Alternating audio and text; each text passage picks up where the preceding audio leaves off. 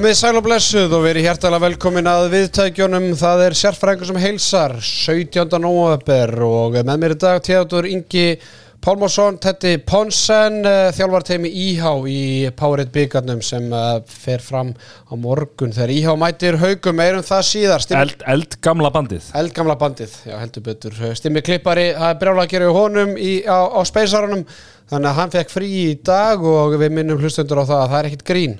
Þegar þið farið til stimma klippara, farið í klippingu, 20% off ef þið töðum handbólta. Jó. Það er fægt Það er einhverju sem heldur þetta að vera grín En þetta er fúlustalvara Sjeffin er aldrei að grínast. Uh, Dominos og Coca-Cola. Ég ætla bara að láta hlustundur vita það að það verður Dominos hjá Sjeffanum í kvöld. Já, mér finnst líklegt að það veri sama hér Það er löng helgi framundan Þannig að ég nenni ekki í kvöld Þannig að það verður bara domari Já, ég fer í tríuð, ég ætla í Deluxe. Deluxe Já, Það er spöðið að prófa Tókjó ég er svo rosalega vanafastur Ég er eiginlega alltaf bara í Bahamas Eða hérna meat and cheese Stundum í hérna extra. Þannig að nú ætla ég aðeins að Fer í Tókjó til heiðurs Degi Sigurssonar. Já, Degi Sigurssoni, já, minn maður. var, var að sjálfsögða að tryggja í Apolunum í sæti á Ólimpíuleikunum í síðustu viku. Þannig að, eh, já, herðu við fyrir bara báður í Tókjó Ekki? Jú. Já, til heiðurs Double Take Tokyo. Yes, uh, tríó tilbúið hérna 2290 krónur og ísköld Coca-Cola. Strákarnir á bílamiðstöðunni þeir eru að fagna þælum sigur hjá Alexander Pettersson í dag. Uh, Alexander Pettersson var að spila í Katar í, í dag og, og vann nokkuð þægilegan sigur og uh, strákarnir á bílamiðstöðunni þeir eru syngjandi og trálandi þessa dagana. Það er bara, uh, það er græn. Það geng, það gengur vel og, og, og hérna uh, bankabókin syngur hástöðum og það er sama hjá Alexander Pettersson. Hann er að fá vel greitt fyrir sína vinnu hérna í miðausturlöndum. Já, það er ekki, það er ekki að spyrja því. Ólís vinur á vellinum vinur við veginn. Ólís vinur handkassins vinahópur Ólís. Því þekkið þetta, það er kitkatið tvei fyrir einn á kitkati Já, og stimmi ég er búin að breyta nafninu sem stimmi croissant. Oh. Það er ekki, Jú, bara getur vel verið að það minni bara þessa stuða úr þá stimmi klippari? Já, það þetta með stimmi kleipar og breyta því bara í stimmi croissant.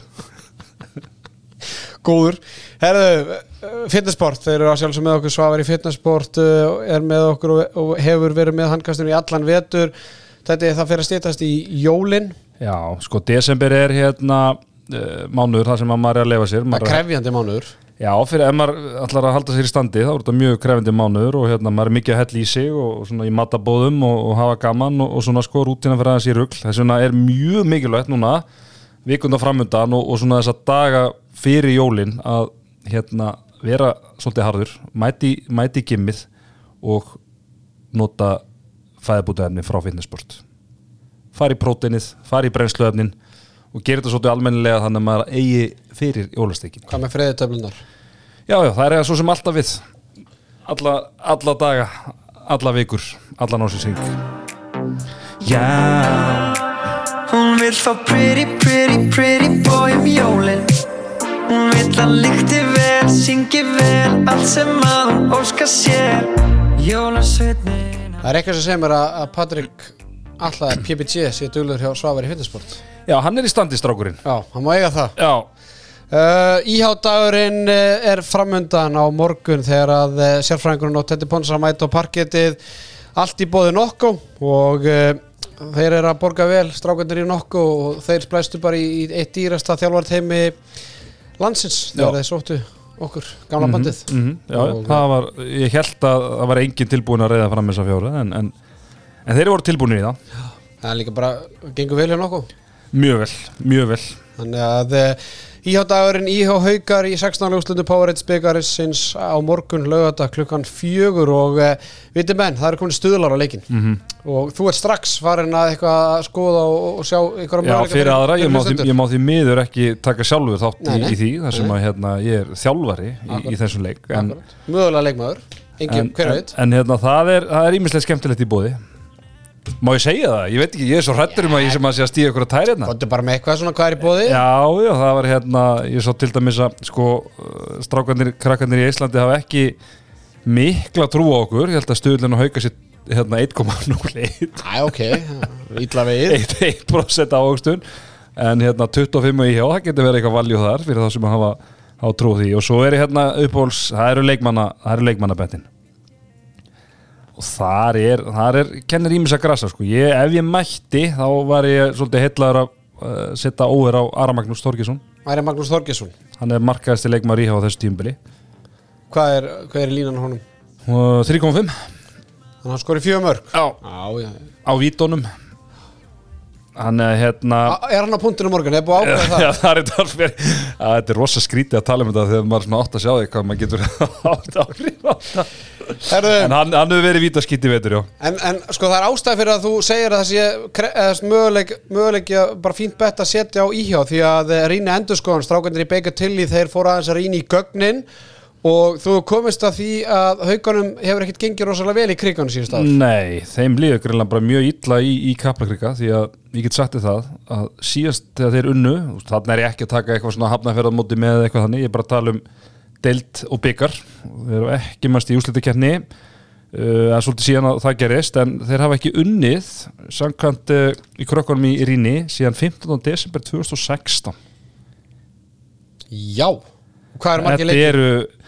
Ég skal ég segja, er 1, 2, 3, 4, 5, 6, 7 leikir sem að FH hefur þá Allt tapið að- Nei, nei, sem að sérst FH hefur þá unnið eða hafa orðið, eða jættefli Tvö jættefli og þú Já. sér það að og, og, og hérna stærsti sigurinn er fjögur mörg Já, þetta er mikið einsmarksýrum hérna, uh, þetta eru hvað einn, tveir þetta eru þrýr einsmarksýrar, tvö jættefli þannig að þú sé, þetta er mjög jafnilegir en þetta er að vera að lenda FH megin þannig að hérna haugunum líður illa og fjölum kaplakrika, þannig að það er spurning hvort að það hafi einhver áhrif á á morgun. Það verður uh, gaman að sjá en uh, þetta verður allt strákar í bóði nokkuð Hún vill fá pretty, pretty, pretty boy um jólin. Hún vill að lykti vel, syngi vel Allt sem að hún óska sér. Jólasveitnin, hann kemur í nóg Meðan hún sefur og En úr þeim leik sem framundan er í í stórleik 16 hvetjum alla til að Já, mæta sjálfsögðu.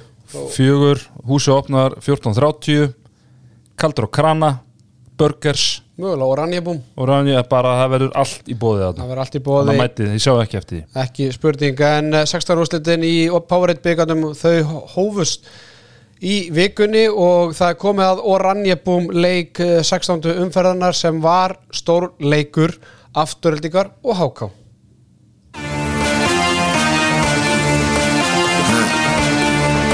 Tiesto.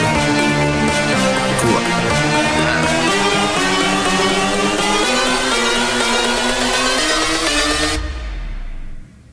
Bring that ass back like a boom, boom, boom. Afturlíka HK mættust í stórleik 16. umferðar eh, í gerkvöldi og uh, það var víst uh, knaspunnuleikur á sama tíma landsleikur en við handkastinu við uh, erum aldrei litlir, alltaf stórir og við tókum yfirvinnu í gær. Fylgdust bæði með Powerade byggarnum kallamegin og svo að sjálfsögðu síðust umferðinu og stil kvenna sem við förum aðeins yfir betur og eftir og uh, það var engin sövikin í gerkvöldi að horfa þjóðar í Nei, þetta var skemmtlegu leikur, mjög skemmtlegu leikur og sérstaklega hérna framanna fyriráleikur bara mjög jafn mikið skorað, bara mikið hraði í þessu uh, afturlík nær svona hérna nær reyndar svona, þú veist að slíta á frá sér en það tók þá alveg 40-45 mínútur að ná eitthvað svona þægilegu fórskoti Lokatölur 31-29 fyrir afturöldingu og eru þeir þeir komnir áfram í áttalega úslit byggar mestararnir sjálfur afturleikna alltaf sló út háká í byggarnum í fyrra í vítakaskeppni og uh, en staðan í hálfleik 17-16 fyrir afturöldingu og uh, þetta var bara jafn og spennandi leikur þangað til að voru svona fjóra-fimm mínútur eftir að leiknum. Það var svakalur punktur þarna í, í vendipunktur í setnáleik þegar að afturleik er 21-20 yfir og HK klikkar tveimur vítum á 10 sekundum Já, og það er bara í yfirtölu? Já, ég menna, er þetta ekki fjögur víti bara í setniháleik Jú. og þú veist, það er bara mun, þú veist, ég er að segja að afturlíka að ná kannski svona þægilegri fórustu eða kortur eftir, þá er ég að tala um svona þrjúmörk þú veist, af því að leikur, þetta var aldrei búið að vera meira en bara svona eitt, eitt um mörk til eða frá. Uh, og það er á þessum kabla þá eru háká að klúra vítum, Brynja Vigni bara er að geta og trekk í trekk og þetta er bara svolítið það sem að svona að mörguleiti hérna skildi að því í lokin. Ekki spurning uh, Ég verð að minnast á eh, leikmann sem að kom inn á í hákvæðingum í þessu leik Haugur Ingi Haugsson, hann var með frábæra innkomu, þetta er svona enn eitt leikmaðurinn sem er að koma og, og færa sprikla hjá hákvæði vetur sem að eh, bara fá sem enginn vita af, þetta er eh, gríðarlega efnilegu leikmaður, sko stæðilur, hann minnir svolítið ekkit, er hann ekkit ósipað bara blæ, svona líka spikkingur á blæ þegar hann var yngri, og power í honum Power í honum, Blæ, hann er stöðuskot, hann er með gegnubrót, hann er með fullt af línusendingum og Já, ég meina það er bara eiginlega allar, og ég held að einar, einar hérna, örnaði komið inn á í lýsingunni gera, það voru eiginlega allar hérna hans aðgerðir, þú veist skiluð einhverju, þú veist, hann er með tvö mörg þrjár stóðsendingar og, og fiska tvö viti og þeir voru bara í bullandi vandræði með það, eins og við segjum, hann er rosalega kvikur þessi strákur, veist, þetta eru svolítið hérna lurar hérna, varnalega hjá afturöldingu og þeir lendu bara í, í bullandi vesinni meðan sko, eins og segir það er einhvern veginn, það er alltaf einhver, er einhver nýratna ekki spurning. Og hann var náttúrulega að finna Sigur Jefferson á línunni sem endaði með 7 mörg og Sigur Jón í markinu var með 17 varða bolta þannig að, ég meina Basti kemur í viðtal eftir leikin og hann er bara stoltur af sínu liðu og hann má vera það. Já, já, vel- ég, vel- ég var leikur. hákvæliðinu í, í þessu leik og, og ég meina þeir eru ekki, eins og ég segi þeir klikka fjórum vítum. Já. og þe það vantar sko Júla Flosa. Það vantar Pálmafannar, það vantar Kristoffer hérna Rísal sem að þú heitlaðist af í, í upphafi tíðabils og aðeins svona misturu trúna okkur Já. ég meina veist, þetta, þetta er lið sko, ég var hugsað í gæri að því að maður sá það alveg, sko. Þeir eru með frábæra vörn. Þeir eru sterkir maður og mann með góða markmann. Ef þetta lið ætlar að falla núna í þriðja skipti á fimm árum ef það er ekki tækifæri núna fyrir önnu lið að plokka þess að stráka ef illa fer, Mhm. þá veit ég ekki hvenar því að þetta, Já, þessi strákar er ekki verið að spila í grillinu á öðru hver ári. Nei, nei, en svo er bara spurning skilur og svo endanum eru þau bara hérna veist, er, það er reyndar núna að koma svolítið svona ungi strákur upp eins og, eins og haukur og, og fleiri og svona en, en svona kjarnin í þessu liði, þau eru búin að vera mann finnst þeir alltaf að vera 21-20 ára sko, en þeir eru bara margir hvernig rótnir 25-6 ára gamli sko, þannig að þeir hljóta svona einhverju tímapunkti hætta er að nenna að taka alltaf hérna upp og niður sko. Já, já, en ég meina þeir eru ekki nema einu stíi frá því að að vera í áttu að setja deildar þannig að Já, ég meina þetta er bara rosa pakki hérna og, og hérna, og þetta er, við höfum talað um þetta, er svona orthodox handbólti að mörgu leiti og, og hérna, en einhvern veginn virkar þetta og það er svona, getur verið krefjandi að spila mótis og svona, en, en hérna, já, ég er bara mér það fannst vanta bara... allastein í, í, í gær, ég meina hann hefur já, ekki verið lögulegur er, já, eða þú veist, ég, ég held að hann hafi nú alveg verið löglegur en ég held að F, eða ég, nú er ég bara að giska að F hafi ekki viljað að hann Ég segi það, þau hafa- upp, upp og hann verið löglegur með þeim eða þau þurfa hann að halda síðan mér en hérna við tölum um þessi víti líka, ég meina Jón Karl Einarsson sem við hrósum nú í síðasta leik, hann er með tvö mörg úr, úr sjö skotum sko. hann er eiginlega klúra fimm döðafærum sko. hann bara þarna eftir með fimm döðafæri pluss þessi fjögur víti, sko. þetta er svona þetta, hérna mörguleiti bara skildi það sko.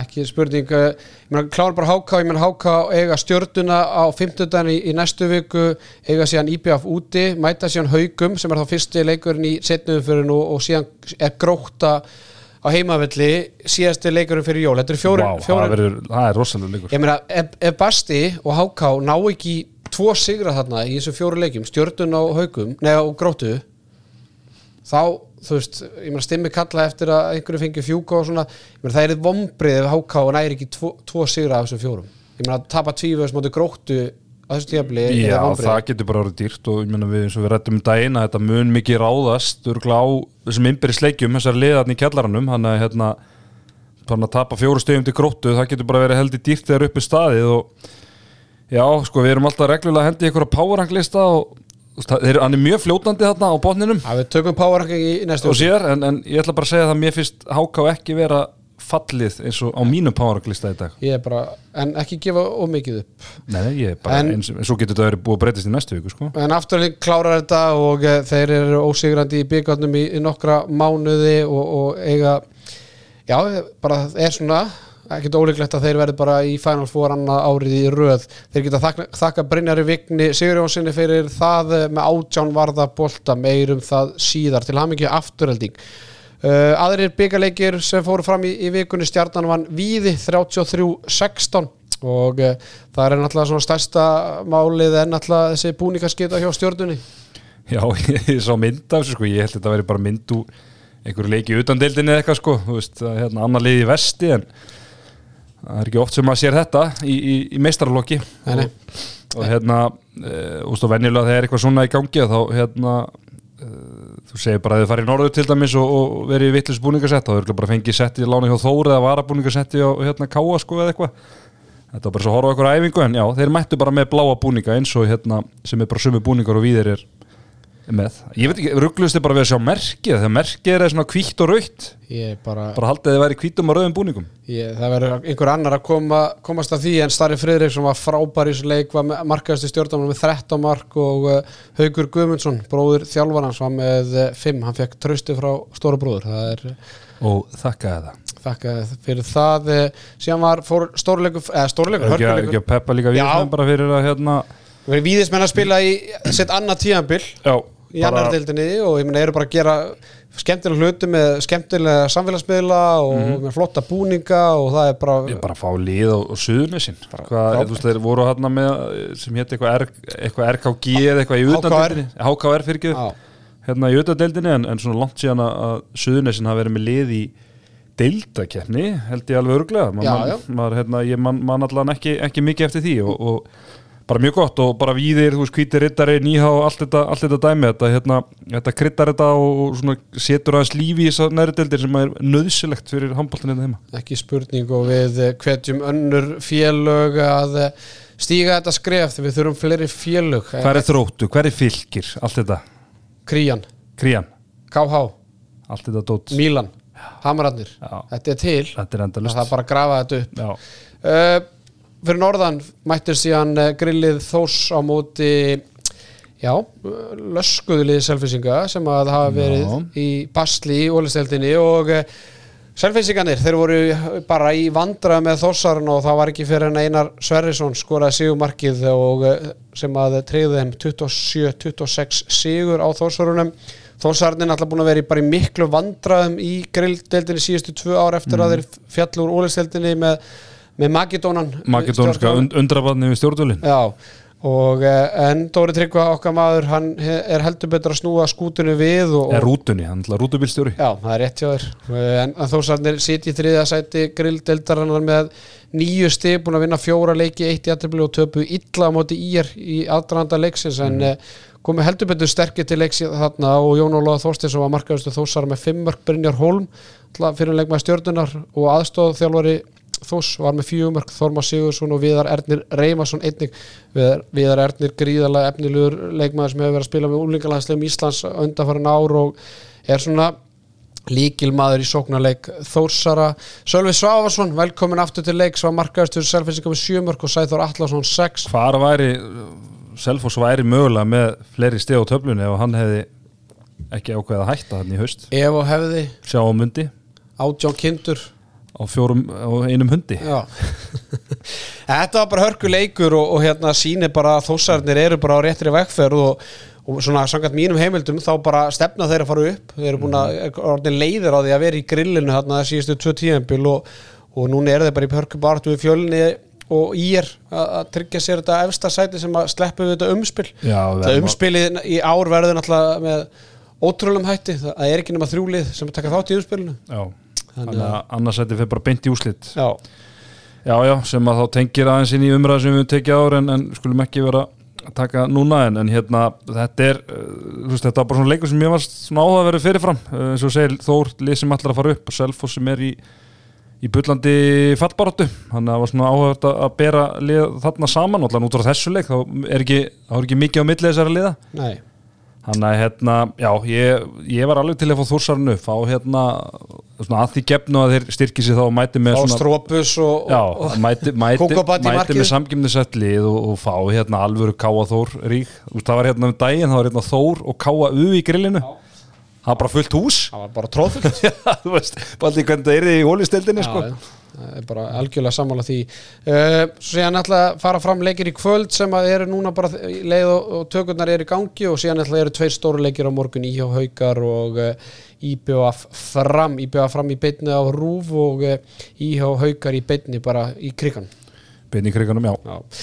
Herðu, við ætlum að eh, aðeins að hittum fyrir Evrópukeppnina sem framundan er í 32 kjæla úslitum og þar eru fjögur íslensk lið eh, sem taka þátt. Við eh, eigum ennþá fjögur lið í keppninni sem að eh, þarf bara bera virðingu fyrir og þetta hefst allt næstu helgi þegar að Valsarnir fara til Slóvakíu og þetta hefstrindar í Slóvakíu þar sem aftur líka ætlar að spila báða leikina sína mótið Tatana Presov en meirum það aðeins setna því að við ætlum að heyra einmitt í hauki Sigurvinsinni formanni Mistarastráðs aftur líka bara núna eftir smástund en það eru sagt, helgina 24. til 27. fara fram fyrir umferðin og, og Valsarnir mæta mótor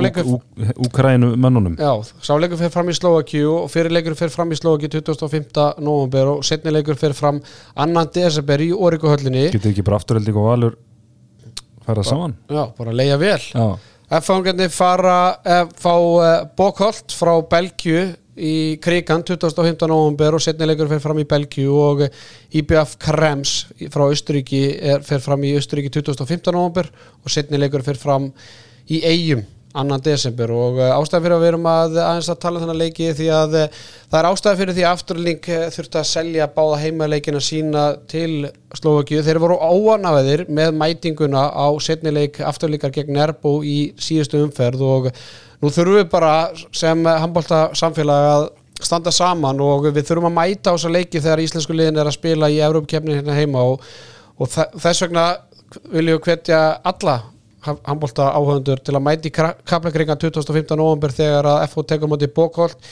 í kriganum og eh, síðan þegar að valsarði taka á móti mótor Sabrötse annar desember þá mætum við Origo og þeir sem nennina geta farið til eiga og, og hort á IBF Krems. Já allavega allir sem er á eiginni Já, allir sem er eigin Lágmark. og kannski bara á Suðurland, Suðurlandinu. Já, Botti fjóli, gott maður. Rosa, rosa fínt sko. En við ætlum að heyra aðeins í Hauki Sigurvinsinni formanni meðstofnarsáls afturlíkar og heyra aðeins ástæðuna fyrir því af hverju afturlík þurfti að selja heimaleikin sína gegn Tatran Presov sem er náttúrulega stórlið þetta, þú náttúrulega mannst eftir þeim þegar þeir mættu FH hérna fyrir Já, árum. mjög svona stóra á stæðileg ég veit ekki hvernig, hvernig eru hérna mannaði núna en, en hérna bara virkilega gott handbóltalið og, og, hérna þetta verður alvöru, alvöru verkefni. Þeir fóru gegnum alvöru hindru síðast þannig að þetta verður ekki, ekki auðveldara Haukur, ef þú getur aðeins bara gefið hlustundum smá svona insýn í það, bara kostnaðarliðina, hvað kostar að taka þátt í þessum eurokeppnum og, og síðan kannski fyrir aðeins eh, lengra inn í samtalið varðandi að kaupa og selja heimaleikina. Um, ég get náttúrulega bara að tala fyrir okkur í afturhaldingu. Um, við tökum bara þessi dæmi núna þessa umferð á móti Nerbu sem að vann nú þessa keppni fyrir einu að tömur án síðan. Þá hérna vorum við að horfa á kostnaði svona rúmlega 5 miljónir. Uh, einhver starf því reiki, millir 5 og 6 miljónir sem að umferð, þessi eina umferð kosta okkur í, í 64 löguslutum. Þannig að þegar við dróðumst fjöglið í Slovakíu þá fórum við náttúrulega bara strax að skoða hvað mögulega verið bóði og fengum mjög fljótt skilabóð frá þeim um að varum mjög spennti fyrir því að hérna, fá okkur út og spila báðaleikin úti. Ástæðanum fyrir því við ákvaðum það er náttúrulega einungis bara fjárhagslegar. Það munar okkur gríðarlega miklum fjármunum að, hérna, að spila báðaleikin úti. Vissulega náttúrulega er það mun erfiðara fyrir okkur. Það er alveg ljóst, það verður betra að fá það hérna heim og taka heim og heim. En peningaliðin bara, hún ræður því miður í þessu, í þessu tilviki. Ok, ef við, ef við bara klárum þetta Nerbo verkefni, þið spilið heim og heiman, uh, farið út til Norex í, í fyrri umferðinni, eða fyrri leiknum og tapið þar með fimm mörgum, spilið síðan heimaleikin á lögataskvöldi og þurftu bara basically frábæra framstöðu til að komast áfram og, og þegar upp, upp var staðið þá bara náðu hérna, leikmenn afturleikra frábærum leik en, en maður svona sá það í, í umfjöllunum og í viðtölu eftir leiki að, að þið voru ósáttu með eh, mætinguna hver var innkoman úr þessum heimaleik og, og hvað voru það vonast eftir að fá úr þessum heimaleik í, í, í kassan? Ingumann var uh, svona, hún var aðeins undir okkar svona, hvað ég segja, björnstustu vonum. Ég lögðast kvöld, fyrsta helgin í rjúpa minni mig og, og hérna einhvern veginn svona mætingin var eh, ekki alveg eins og við vorum til. Líka verður bara að segja þess að er að fjölmjöla umfjöllun um þessa Európa-keppni hefur ekki hjálpað okkur að trekja fólk á völlin. Við reynum eftir okkar bestu leiðum að vera á samfélagsmiðlum og gera umgjörðina eins og við best mögulega getum. En það er svona að maður heyrði á hansi mörgum eftir þessu umferð að það voru ekkert allir með það að reynu að væri reynda leikur. Þannig að heimaleikurinn hann, hann fór ekki langt í hérna, að kofra þennan kosta við, við þessu umferð. Það sem Og ég, og það sem ég hef heyrt er að, að sko, það sem kom í kassan það náði ekki eins og að sko, borga uppehald á dómurum og eftirlusmanni. Nei, það var, það er bara einhver logið um það. Þannig að á restina erum við að, sé, að safna styrkjum og hérna bara svo gamla góða sko, selja, selja hérna það sem við getum selt og reynda að sapna upp í þetta og strákatinn alltaf döglega við það líka. Svo, en, En, svo komist þið áfram og, og mætið Tatran Presov og, og hafið ákveðið að selja heimaleikin getur aðeins gefa okkur bara ég meina, það, er þrennt í stöðun, það er að spila heim og heimann það er að kaupa heimaleikin eða selja. Veist, hvað er mikil, mikil fjármunur þarna til eða frá? Þetta, þetta er, sko, dýlinn er raun og verið þannig svona, þú veist, allavega hjá okkur, þá snýst þetta um að við seljum heimaleikin, þá snýst þetta um að koma okkur á, á að fljúa og þá erum við í raun og verið bara lausir við restina. Í einhverjum tilfellum hafa meira þess að liðin Erlendis frá búðist þess að taka þátt í kostmannum á fluginu. Þannig hvað, hvað, kostar, ekki...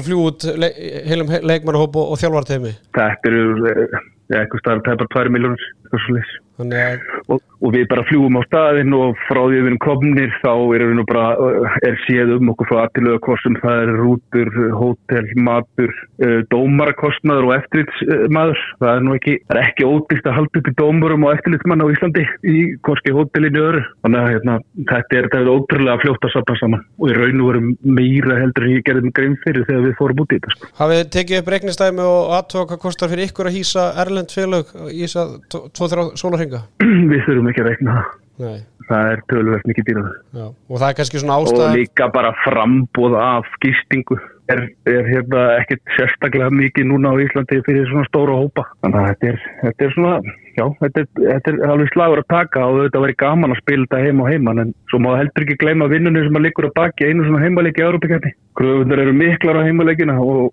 dröldinga allavega ekki tala fyrir okkur og við erum klúpar sem eru reikin engöngu af sjálfbáðaliðum og menn voru að taka sér frí úr sinni vinnu til þess að trukka norska liðinu fram og tilbaka á æfingar og, og flugvöld og fleira. Þannig að þetta er mikið utanamald og, og mikil vinna og vann á fjárhagsliðinu. Þetta verðist vera bara kaldur raunveruleikin hvað er svona, er eitthvað er eitthvað að gera í þessu?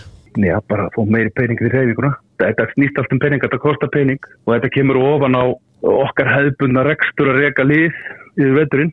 Úst, þetta er bara au aukala vona það allt saman. Og ekki það, þetta er mjög skemmtilegt og þetta gefur hérna, liðinu og öllum í kringum þetta mjög mikla reynslu. Og þess vegna er náttúrulega farið út í þetta og, og getur verið mjög gaman það var, það var ekki leðilegt að slá út nerbu síðast. En hver miljón sem þú þarfst að sapna áfram veginn og veist, næstu umferðir verð, þær verða þingri og þingri það er bara staðan. Jájá, þetta er bara kaldur raunveruleikin Haugur Sigurðsson, formar meistráðsráðs afturleikar, takk ég alveg fyrir að taka upp tólið þegar sérfrækun heyriðir í þér og, og gangi vel í barátunni Mista mál, takk fyrir Þakkum Haugi Sigurðssoni fyrir þetta. Þetta, ég meina þetta er bara raunveruleiki sem við lifum í Já, já, því miður, þá er bara handbóltinn þannig að hérna, þú ert að borga með þér þegar þú ferði í Európukefni og, og hérna, en sem betur fer þá eru hérna flest þessi lið bara með upplugt lið í, í kringum þetta og svona sem að nenna að standa ströyma af þú veist að hérna safna peningum og, og vera með fjáraflunir og, og, svona en, en þú veist eins og Haukur nefndi að þá bara þetta fara að muni einhverjum miljónum í hverju umferð að þá, þú veist, þá bara skilum maður þetta og hérna og bara ítrekka og innbráð því sem hún nefndir aðan sko. við bara verðum að, að fá fólk í húsin því að hver einasta króna telur þegar þú ert að hérna, taka þátt í, í svona dóti sko. Akkurat, uh, förum í Ólís deild Kvenna sem er komið núna í frí, HM frí, HM hefst núna í lok eh, november og handkastið verður að er sjálfsög. ekki, er ekki eitt leikur Já, er- jú, það er leikur í kvöld en, en þetta er svona síðastu umferðin og, uh, en handkastið verður að sjálfsög með puttan á púlsunum þegar HM hefst hjá Kvenna landsliðinu og uh, við ætlum að uh, byrja að ræða leik Káa Þós og Ír sem eh, framfór fyrir norðan. Teddi, þú varst eh, heldur betur með fjastunningun á lofti í gerkvöldi þegar þessi leikir voru í gangi Ír-liðið var þremörkum undir í hálfleik 11-8 en uh, snýri heldur betur blæðinu við í setna hálfleik og unna á lókun 22-19 sigur Matjá Lónag er náttúrulega búin að vera gjössalega sturgluð hjá mm. Káa Þóri í vetur og var með 40% markvæsli í þessu leik en samt sem áður hefur það einugið skila Káa Þór tveimu sigurum og eru eru norðanstelpur í sjötta seti dildara með 5 stig uh, Isabel Sjöbel var með 11 varða boltu í er 38% markvæslu en þetta er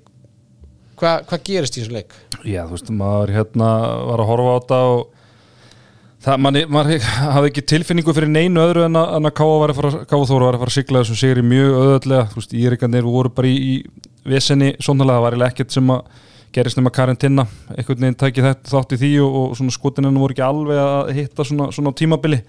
Hún er ágætt hérna í vinstróðninu hún hérna Hanna Karin og var nýtt að færa sér vel en, en svo bara einhvern veginn um miðbygg setnáleiks þá bara snýst þessi leikur bara á auga bræði sko. Það er bara hérna það er bara, get ekki keift sér mark Káþór í hérna löngum köflum og, og svona og einhvern veginn nýjir rekkur í gang með hérna Karin Tinnu fremsta í brotti fylkingar og, og snúa þessu við og, vinna bara enn einn frábæra sigurinn sko. Þvílíkt hérna öflóðar og, og búin að koma mikið óvart í, í vetur. Ég er með tíu steg og er núna fimm stegum á undan Káþóri sem eru sætur fyrir neðan. Þannig að ég er búin að skilja svolítið bara botliðina Já. frá sér og eh, Karin Tinna var markaðist ekki með 9 mörg og 20 skotum. Hún var alltaf ekki með í síðasta leik og það munaði minna. Hanna Karin og Ástöldur Berta í hotnunum með 4 mörg hvor en eins og þú segir, Káa Þóra 14-9 yfir eftir 40 minútur leik þegar Solveig Lára tekur leikli og Mhm. meina þetta er eitthvað algjört mæstamænt hjá Solveig Láru því að eh, staðan breytir síðan úr 15-12 fyrir Káa Þóra í 17-22 Já, já. það kemur bara 10-2 kabli Já, það er bara eins og ég segi, þeir bara gátt ekki keift sér markarna og, og þetta fyrir að rek- rekkur svo bara allt í einu gangi hjá, hjá, hérna, hjá Íringum Já. Ég Lít ég meina þú sér það, það eru búin að skora sko nýju mörg á, á 40 mínútum og skora sko 13 og 20 Já. Það er alltaf með ól það er með ólíkindum. En hérna uh, sturlu pæling karantina ég, ég trúi á stuð sem ástand.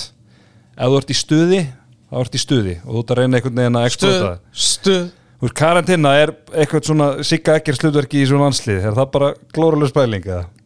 Já, þetta meina bara að það vantar mark og þá bara Já, sett hana bara inn og hún allar lúrar á marki Já, nei, meina þú veist, ég er ekki að segja hver á að fara út eða eitthvað ég er bara, þetta bara í hug skilur þú veist að- ég meina, hendi sér Okkar sérfræðingur um kvennalanslir, Hanna Guðmundsson talaði um það að við erum með þrjá leikmenn sem eru 1.50 cirka á hæð og, og mallar mjög líkar leik, leiklega séð og ég meina það vantar alveg vinstir skittur þannig að, ég meina, why not? Þetta er bara frábært gól í þetta Já, takk. Ha, það er Ég bara að spurning hu- hugsa þetta í dag. Af því að þú veist, það er einhvern veginn þegar þú ert í þessu mótsjó, í þessu, í þessu hérna sóni sko, að þá hérna það er hérna, ég er mikla trú á, á, stuði sem ástandi sko.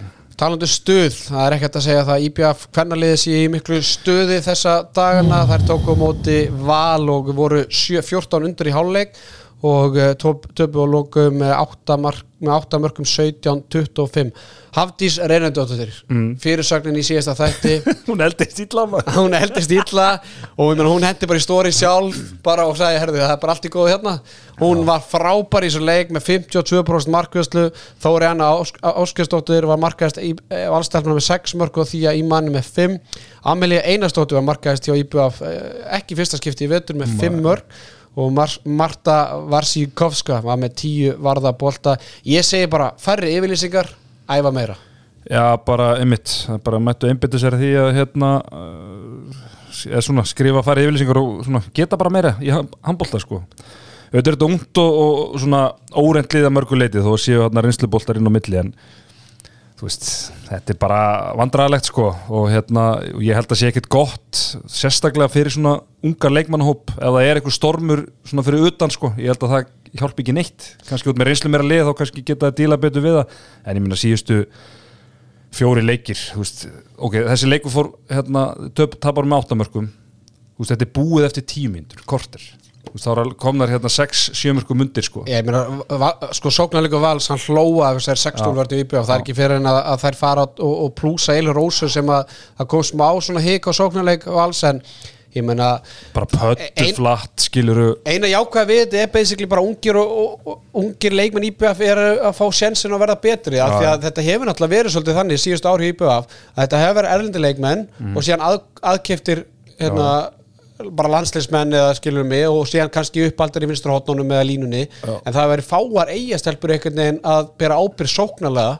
Þannig að þú veist, þetta, auðvitað er þetta jákvæmt og ég meina Þóra Stefánsdóttir þú veist, hún er komin aftur í IBF-fópin Örfenn stelpa fætt árið 2004 ég meina, þú veist, hún var, var fann að velja fótboltan en hún er komin aftur og vonandi bara einhvern veginn að hún sjá í ljósi og, og velji að spila þjóðar í þróttuna áfram. En ég meina IBF með þessa Karolínu þarna og hennar útlending. Þetta er bara ger ekki mikið nei og gerir ekkert mikið Nei, var að kasta boltanum út af og svona aðlið því. Allavega, ég var svona með augun á þessu leik í fyrraháleik og, og skipti svo yfir á akkurur í setni og var svona alveg því bara kasta boltanum út að sko Já, og þetta er þægild að vera með útlending sem að þekkir samfélag og allt þetta en Mhm. ég, ég get ímynd mér það að það getur örgulega fundið sér betur útlending Já, já, og þetta setar þetta upp, skilur það með hérna, eins og segir, með útlendinga og, og, og hérna landslískonur og í svona bland við heimastelpur og náttúrulega þetta munar þegar að besti leikmarið fyrirfram, Birna Berg er dettur út, sko. Já, já, og ég menna og Breitni Kotts og Rannildur hann Já, já, já, já, og hérna Munar að minna það. þetta er bara hérna, heil útilína og hérna, en ég minna ef við fyrir samt yfir síðustu fjóru leiki þann, þá er þetta þessi leikur sem að tapast með átta mörgum og hefði geta farið ennþá verð, tapa stórt í, í hérna, Evropuleikjónum tapa stórt í uh, ásöllum. Svo var hann eitt sigurleikur á móti K.Þór og þar á undan tapar á móti stjörnunni sem er eini sigurleikur stjörnunar þannig að þetta er bara hörmung upp á síkastið hörmungu upp á síkasti og, og ég meina Sunna Jóns er bara á annari löppinni. Og ég meina mér er bara eiginlega ótrúld að hún sé á leina stórmót og það verður fróld að sjá hvernig Andi P. ætlar að nota hana á þessu HM hérna móti því að hún er bara á annari löppinni og það er bara spurning hvort að hún bara springi eftir HM bara þú veist hvort að líka mig bara gefi sig veginn hvort hún sé á okkur díselvelin skilum við segja að malla núna eitthvað í kringum HM og voða gaman en svo bara spurning hvað hva gerist í kjölfarið. En uh, við erum komnir hingað í leikin sem var í beinni á Sjómarabbi Símans Leikur fram og stjörnunar sem framfór í, í beinni á sjóarpi Símans og léttkortið stim, eh, Teddy, þannig að stimminn og vannar að tala um léttkortið en eh, það er bara það verður að draga út iPhone núna í nóvambur Já, og hérna væri nú gaman að fá eitt fyrir, fyrir jólinu Já, já, þetta er bara hérna, þú veist, engi fæslugjöld og ekkert hérna gjaldir í sála og þetta er bara algjör snilt algjör snilt algjör snild segir Teddan og er náttúrulega algjör snild að sjómar Símans sé með bæði handkastinu og handbóltanum í liði í allan vetur því að við erum náttúrulega erum að fá þessa leiki bara fríkeipis og ekki veitir af í þessu þessari stöðu í þjóðfélaginu. En uh, framstelpunar unnu 33-22 sigur eftir að hafa verið 17-14 yfir í háluleik Eþel Gíða Bjarnasen byrjaði á bekknum í, hjá framörunum en endaði með 54% markvæslu mm. Alvöru, alvöru. pilla á Einar Jónsson. Já, og start me. Já, með 12 varða bolta. Þó- Þóri Rósa markaðist hjá fram með 8 mörg og Elna Ólöf og Kristún Steinþórsdóttir með 6 mörg hvor. Hjá uh, stjörnunni þar voru skiptuna þrjár. Atkvaða já, atkvaða, ég ætla ekki að segja atkvaða miklar en ég menna Helena Röð var með 9 mörg og 16 skotum. Hún hefur nátt erfitt uppdráttar í síðustu leikjum. Já, ég, ég kíkti á þetta hérna var hún ekki laga á náðins tölfræð hana setni part leiks, getur það verið? jú. Það var svona þessar að rusl mínútur Já. eins og, og eins og þú Svo ég ne- segi stundum. Eva Björk var með 4 mörg og 10 skotum Embla Steindósdóttir 3 mörg og 12 skotum Darja var með 12 varða bolt að 27% markvæslu Var það nú betur þegar við vorum að leika mótin í afturrellingu Já, aðalega þegar að, já, sammála því.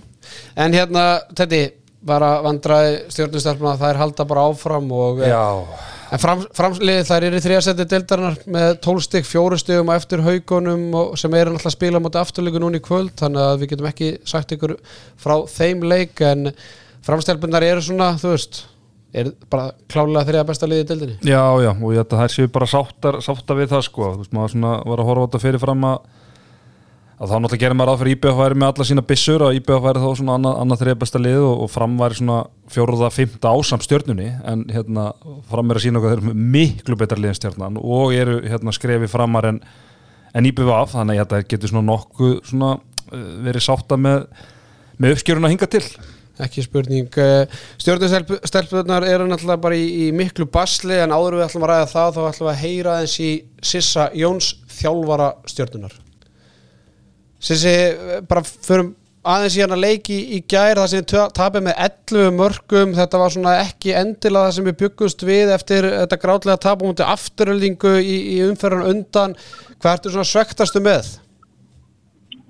Já, þetta var ekki það sem við ætlum okkur og, og hérna, það er bara hvernig við svona, já, hvernig við klárum leikin. Við náttúrulega vorum alveg inn í honum í fyrri hálfleik en, en hérna, en bara svona missum hann eiginlega frá okkur hérna í, á fyrstu tíu mítunum í setni og svo hérna, já, bara klárum hann ekki, þú veist, ekki það svo sem bara, er bara- ennþá verða að tapa svona heldur en, heldur en að hafa klárað hann almennilega, en ég held við vorum til dæmis ekki síðustu 11 mittnar í leiknum. Þannig að þetta var ekki ekki nógu góð framist að Heldur betur, eh, þið sitið á, á botni deildarana með tíu stig eh, Teddy spurði stimma í, hérna, í fyrir ekki eftir tíu leiki er með þrjú stig. Teddy spurði stimma í, í síðasta þætti hver, hver markmið stjórnulegsins voru fyrir tímanbilið stimmi var ekki með svörin, ert þú með svörin? Já, já, við, við ætlum svo sem bara, það er náttúrulega fyrsta markmið er að halda sér í deildinni og svo er bara að reyna að væri bara, og sérstaklega úr því sem að komið núna að ná inn í úrslita kefni, hvort sem það er sjötta eða fymta sæti, svona sem að horfir á, skilur, það er annað kannski órann hæfni eins og er. En hvað, þe- þegar þið farið inn í tímanbilið og þið náttúrulega vitið að þessar HM-pásu ég menna þrjú stig þetta er ekki ég menna þetta er ekki bóðlegt Nei, þetta er ekki gott en, en hérna, og við hefum alltaf vilja vera með á allavega fjóru stegum meira ef ekki, ef ekki meira en, en, en hérna, nei, það er bara ekki, ekki gott, það er alveg hárrið. Ertu með laustinnar, ætlið að reyna að finna eitthvað leikmenn til að styrkja liðið eða hvað ætlið að gera, hvernig ætlið að nýta þetta þessa HM-pásu? Já, ég svo sem, það er bara ágætt að fá þessa pásu núna, en, en hérna, við ætlum bara að nýta hana til að æfa vel, við skoðum alveg eitthvað, sko, en ég er svo sem, ég er ekki, það er ekkert eitthvað, eh, ekkert í hendi, skilur en, en við erum alveg með augun opinn, en, en hérna, en svo bara reyna að æfa vel í, í pásunni og, og hérna, og þú veist, þá er ágætt að fá svona smá nústillingu, eða þannig, eins og er. Hefur áhyggjur á stöðinni? Já, já, klárlega við áhyggjur og, og ég minna að það er, það er náttúrulega, það er, það eru bara góði möguleikar ennþá en það þarf náttúrulega auðvitað eitthvað að- breytast og þá þurfum við að líka líta svolítið inn á við og, og skoða okkar mál, bara hvað við, hvernig við höfum verið að fara með þetta leiki sem við höfum verið að tappa sem við höfum ætlað okkur sigra í, að allir okkur sem að reyna í öllum leikjum en vissi leiki sem við svona horfum á sem mikilvægari leiki en aðra. Bara, Það við þurfum að skoða það fyrir ekki og, og, og hérna, reyna svona að stilla betur saman strengi. Það er bara eitthvað, eitthvað verkefni fyrir okkur núna í, í pásunni, bæði, bæði handbóltalega og líka svolítið kannski ekki síður svona andlega. akkurat, uh, bara svona rétt í lokin, ég menna þegar maður sér leikmannhóp stjórnunar eru vissulega mikla breytingar á liðinu en þeir eru með fallbissur þarna fyrir utan, þeir eru með gríðarlega öflugan vinstur hotnamann, þeir fáið Darju í markið, ég menna getur þau sagt okkur sem erum að reyna að fylgjast með þessu bara, af hverju er stjarta bara með þrjú stig, Hva, hvað hefur farið úrskeiðis? Já, það er náttúrulega bara, þú veist, jú, jú, eins og þú segir, það er mikla breytingar, þú veist, leikmennin sem við missum eru náttúrulega eins og Lena Marget eina af blöður leikmennum deildarinnar og auðvitað mikla reynslu líka í Hönnuguðrunu, Stefáns og, og hérna Lísu sem að sem að hefur svona eitthvað að reyna að spila með okkur en ekki, hún held ég bara getur að því miður ekki en, en veist, það er svolítið svona líka það að þessi leikir sem við vorum í fyrra kannski einhverju ströggli með við vorum að klára þá eða, en, en hérna en í, í ári erum við eiginlega að missa það frá okkur að en, en vissulega, vissulega góði leikmenn sem við erum með ennþá í vissum stöðum og svo erum við með efnilega leikmenn í öðrum stöðum en það er svona, þú veist við þurfum að ná þessu bara betur saman bara bæði varnarlega og sóknarlega já. Heldur betur, Sissi, takk hérlega fyrir að taka upp tólið þegar að sérfræðingun heyrir í þér og, og, og góða skemmtur um helgin og gangi ykkur vel í, í þeirri baróttu sem framöndan er.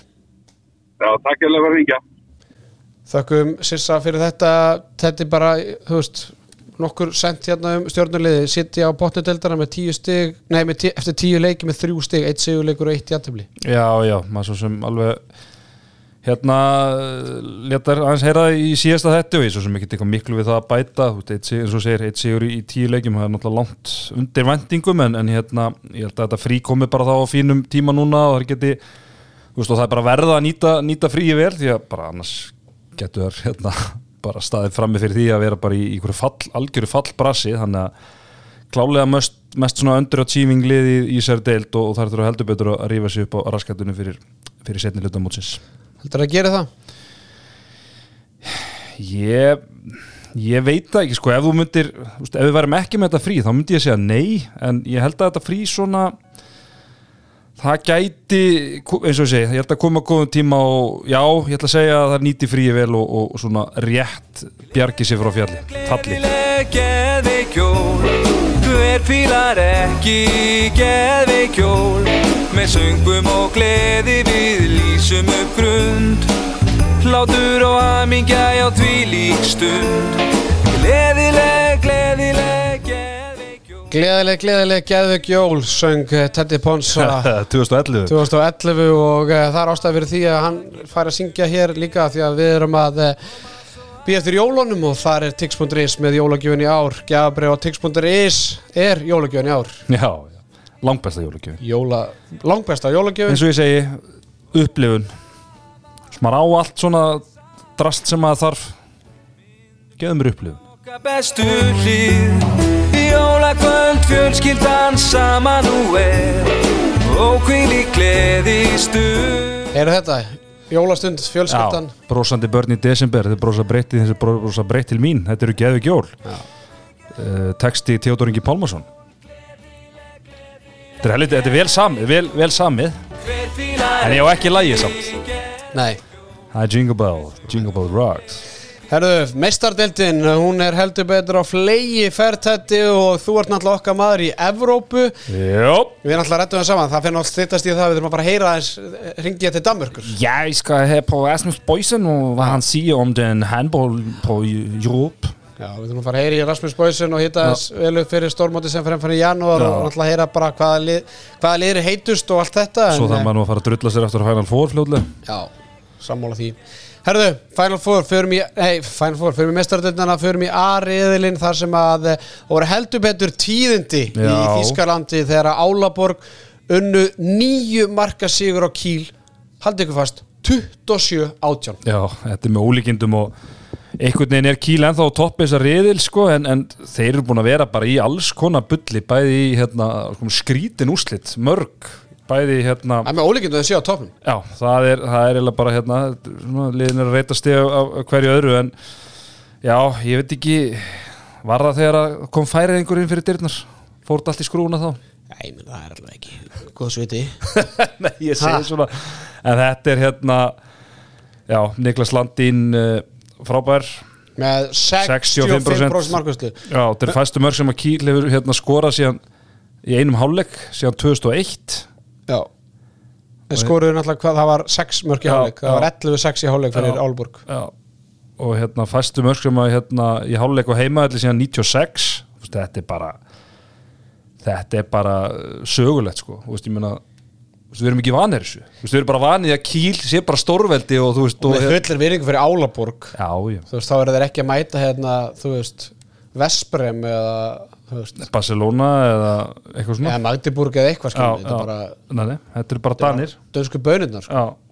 Þetta, þetta er ótrúlega úrslit og hérna en bara velgert hjá Álaborgu, þetta er ansi reynd spennandi reyð sko. Já, uh, okkar menn í Kolstad í Norri unnu frækin sigur á PSG 36-31 frábær sigur. eftir að vera tveimörgum undir í hálfleik 16-14 Já, og hérna Sigvaldi okkar með, með fjögum örk Magnús Röð á eldi. Já, já 11 kvikindi.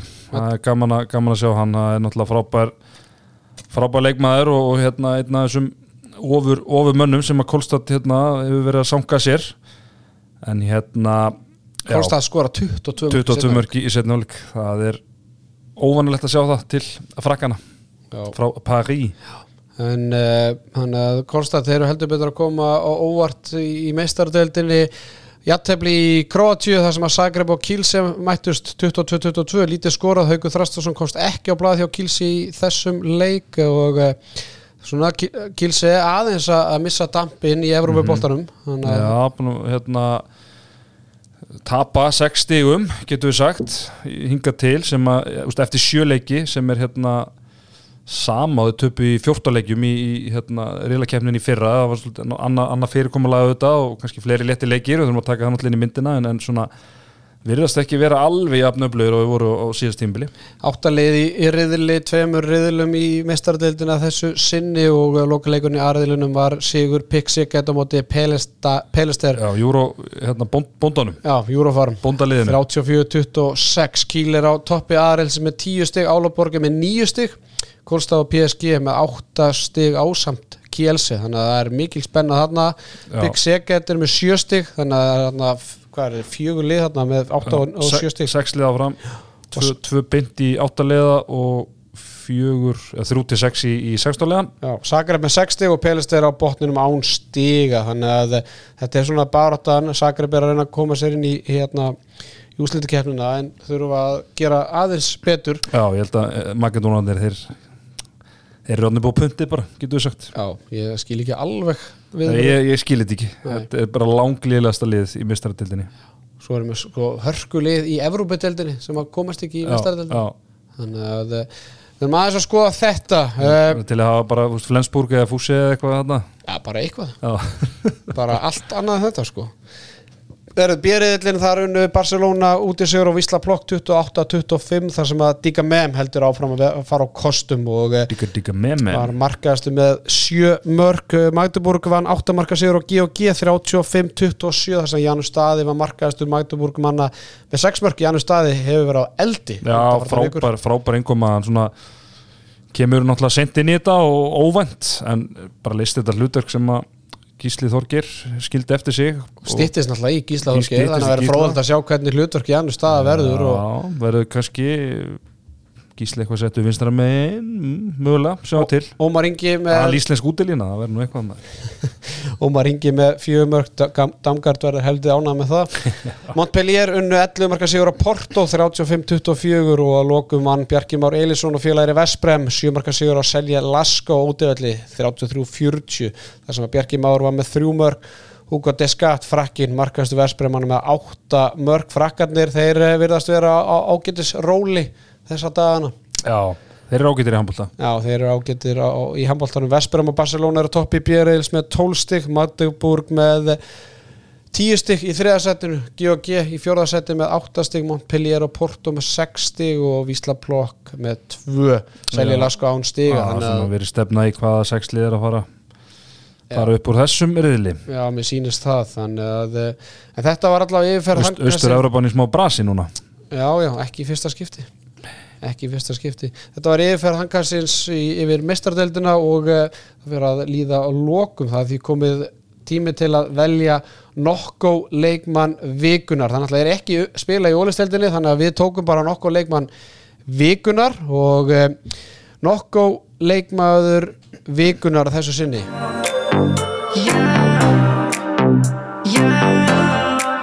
Hún vill fá pretty, pretty, pretty boy um jólin Hún vill að lykti vel, syngi vel Allt sem að hún óskar sér. Þetta þú var heiðurinn að þessu sinni.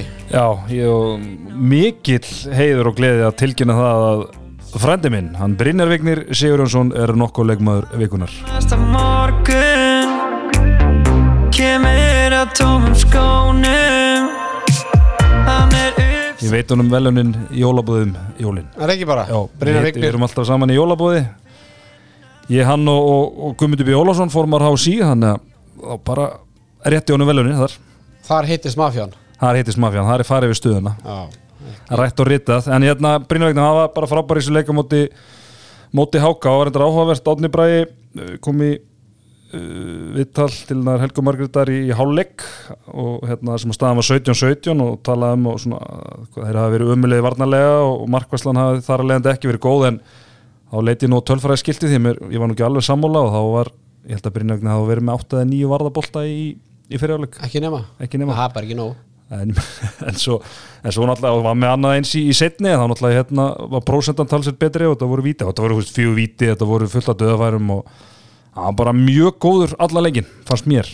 Takk fyrir það, Brynja Vignir, þú ert uh, ástæðan fyrir því að afturlíku eru komnir áfram í áttalega úslit Powerade byggarsins en uppáhalsliður allara skita vikunar í bóði Skólprinsun Áskis og uh, það hefur verið mikið að gera hjá Skólprinsun Áskis síðustu daga og við ætlum að byggja hlustundur um að þeir sem er að hafa samband slagið aðeins á, það er búið að vera yfirna á strákunum Gæja og, og félugum en uh, það er komið að skýtu vikunar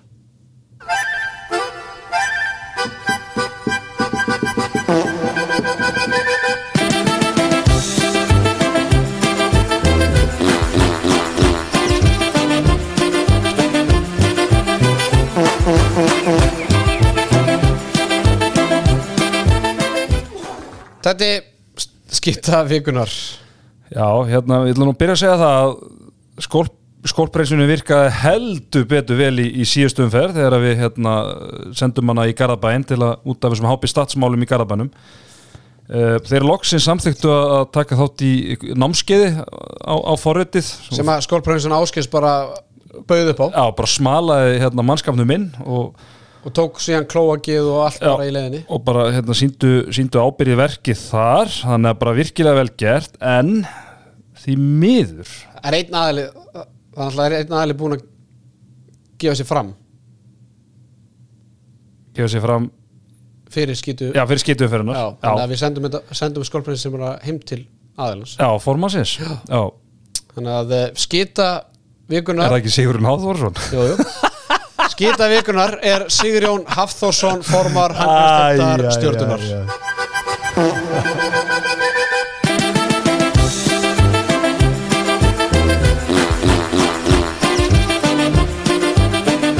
já, og fyrir það er þetta búningabíó Já. það er búningabíóð það er alltaf fyrir að neðan allar helvitis allar hellur Já.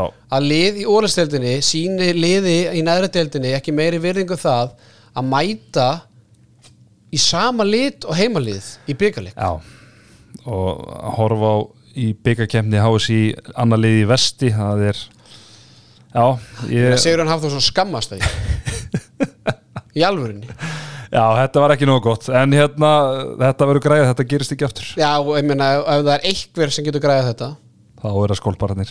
Þá er það skorprinsin áskis við erum ekki vanir að senda á, á sama staðin tvær vikur í röð en þetta var sikvort má, sikvort málið. Sikvort málið og náttúrulega þú veist, hitt er kannski ekki alveg á formannum hitt er bara stjarnan sem félag skilum við og, og þeir tóku sér, tóku sér til og hendur sér á námskeið en, en núna þarf heldur betur að kíkja heim til formannsins. Já, og ekki veitir af. Ekki veitir af en uh, hann á eftir að taka þetta á kassan og, og hérna, koma stærri og, sterkar út úr þessu öllu saman, elsku drengurinn. ekki spurning. Herru, það er komið að leiðarlokum hjá okkur strákunum í handkastinu. Þetta, það er rétt í lokin bara þú varst með svakaleg gögn hérna sem að þið strákanir í, í rýni endurskoðan kíktu aðeins á í dag varðandi vítaköst. Já, heyrðu. Hérna, uh, ég skoða þetta aðeins hérna, sko, ekki spyrja mig af hverju ég byrja að skoða þetta. Eða jú, ég get alveg sagt þér af hverju ég byrja að skoða þetta ég fór hérna einmitt að skoða tölfræðinni hjá hérna uh, karantinu og það svona var að skoða markaðastu menn og hún er mjög ofalað þar, hvort þessi önnur eða þriða markaðast í, í deildinni. Og sá ég, þú veist, svona, svona hérna, markaðastu menni vera að skora svo mikið úr vítaköstum. Þannig að ég svona aðeins kíkti, kíkti á þetta og það er eiginlega sláandi, það er töluvert meira af vítaköstum í ólistild kvenna heldur en ólistild kalla og hvað veldur, þú veist ég get bara hérna bara svo vikingarnir sem eru með búin að fá flest víti í ólistild kalla 4,3 að meðaltali Eru vikingarnir búin að fiska flest víti? fiska flest víti, Ok. 4,3 að meðaltali leik, Valur 4, IBA 4, Gróta 3,9 svo er þetta hérna niður í, í Fram sem er í 2,4 og svo ef við förum hérna í, í kvennadildina þar er stjarnan efst með 5,4 í er 5,2 og svo hérna eh, hauka 4,7 og íbjöða 4,3 þannig að þú veist, eh, vikingarnir væri í fjórðarsæti þarna, þú veist, efsta liði kalla minn Já, og neðsta lið þarna er með eh, þrjú víti, hvað sagði, 2,4 minnst kalla minn, Já. þannig að það er augljóst og það er, það er svona alveg sjáanlega munur þarna. Og hvað ætli valdi þessu? Er þið búin að rýna í gögn? Nei, þú veist, ég var bara svona að reka augun í þetta bara núna í dag, sko. Ég, þú veist, er það að spila almennt passívar í vörn. Mér er svona, mér grunnur á þessi staðan. Það er svona, þú veist, þá ertu nær þá ertu, líklegri bara til að hérna missa manni framhjá þér inn í teik, skilur og fá þannig Svo því er það bara töluvert meira gegnubrótum Já, meira uh, mögulega eru varnamenn uh, slakari einn og einn og sóknar með þá betri hlutvarslega einn og einn, ég veit það ekki. Það er eitthvað, þetta er hérna eitthvað svona þú veist, það verður gaman að skoða þetta líka eitthvað hérna aftur í tíman kannski að hérna okkar vinnur Óli Hápi Stats nenni að taka þetta sama fyrir okkur aftur í tíman Nenni, hann bara, hann mun gera hann bara mun gera það. Þannig að hérna, já, þetta er svona, eh, svona fyrir tölfræði nörda eins og mig þá fannst mér þetta áhugavert. Ekki spurning eh, Við verðum hérna aftur í næstu viku á þriðjudaginn þegar að tíundumferðin verður hafin.